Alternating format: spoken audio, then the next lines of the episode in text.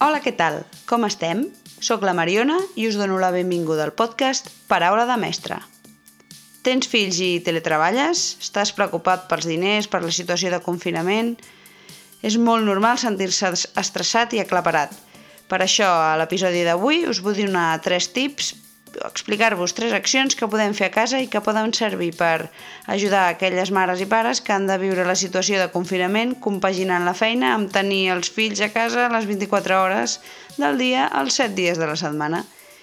I així doncs, aconseguir que no acabin desitjant reconfinar-se al lavabo per tenir uns minuts de tranquil·litat.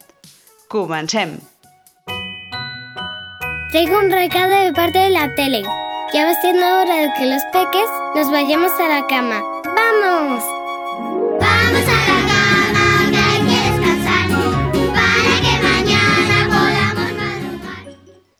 Primer de tot, dir-vos que us admiro a tots els pares i a totes les mares. Si per mi, que no tinc ningú al meu càrrec, ja és difícil gestionar tot això, haver d'estar pels més petits de la casa atendre les seves necessitats i acompanyar-los i ajudar-los a que passin de la millor manera aquests dies complicats no ha de ser gens fàcil. Dins d'aquesta situació extrema, però, en podem treure alguna cosa positiva. Pot ser una oportunitat per conèixer millor els nens i nenes i també per millorar la relació entre tots els membres de la família, encara que algun cop ens vulguem tirar els trastos pel cap. Doncs vinga, primer tip. 1. Establim una base segura. A aquestes alçades de la pel·lícula, totes les famílies ja han vist què funciona i què no amb els seus fills durant aquests dies de confinament. Segurament ja feu cada dia o habitualment unes mateixes rutines per a que tot vagi de la millor manera possible. Per tant, us, us animo a que ho seguiu fent. O que comenceu. Depèn de si a casa vostra sou més fans de la improvisació. A grans trets, el més important és que, sobretot, deixeu espai per activitats més tancades o planejades, com feines de l'escola, tasques per ajudar a casa com per a la taula, així com també eh, activitats pel temps lliure, que les escollin els propis nens i nenes. Això els pot ajudar a sentir-se més relaxats i millorar el seu comportament. Per altra banda, també és important fer partíceps als nens i nenes de les rutines diàries, deixant a la seva elecció algunes de les activitats que es faran durant el dia – també podem crear un horari per a que ells puguin anticipar què faran en cada moment. D'aquesta manera sabran quan arribarà aquell moment que més desitgen o més esperen i faran les rutines o activitats que no els agraden tant, sabent que just després ja vindrà el que, el que, el que realment els hi ve de gust. Per tant, ho faran o més ràpid o sense tanta desgana. Abans d'anar a dormir, també seria bo aturar-se un minut per reflexionar sobre el dia – podem parlar de quina cosa divertida hem fet avui o quina acció que ha fet el, el nostre fill doncs, ens ha agradat molt i li, i li podem comentar. Més endavant ja profunditzarem una mica sobre aquest tema.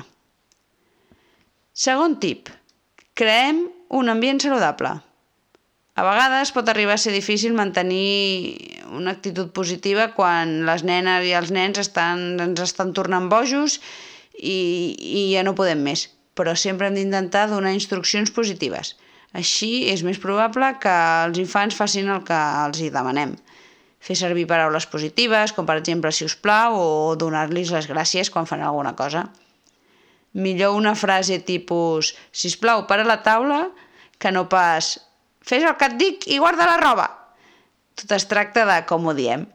Cridar-li només farà que tu i ells estiguin més estressats i enfadats cridar l'atenció del teu fill amb el nom, doncs també, també i amb una veu tranquil·la, doncs també ajudarà. I per últim, intentar elogiar-los. Potser no ho demostraran en aquell moment, però a la llarga valoraran que et preocupes per ells. I tercer tip, fem-los sentir estimats. El temps personalitzat amb els nens i nenes els farà sentir segurs i valorats. Dedicar-los un temps cada dia farà que ells ja esperin aquell moment i li donaran molta importància.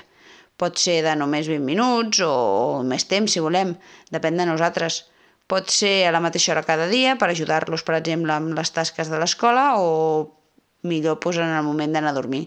O les dues coses també. Si veuen que els escoltes es sentiran més relaxats i oberts a explicar el que els hi preocupa o emociona. Fins i tot més endavant, ens tindran en compte per donar-los consells. I això, quan són adolescents, no és fàcil. Doncs què n'opineu de tot plegat? Són moments difícils i segur que hi ha molts alts i baixos. Però és important també que no exigim la perfecció, ni a ells ni a nosaltres mateixos com a pares i mares. Tots feu el que podeu, estic segura, i el que creieu que és millor per a ells. I encara que involuntàriament, doncs almenys podem aprofitar el confinament per fer més fort el vincle amb tota la família. I fins aquí l'episodi d'avui.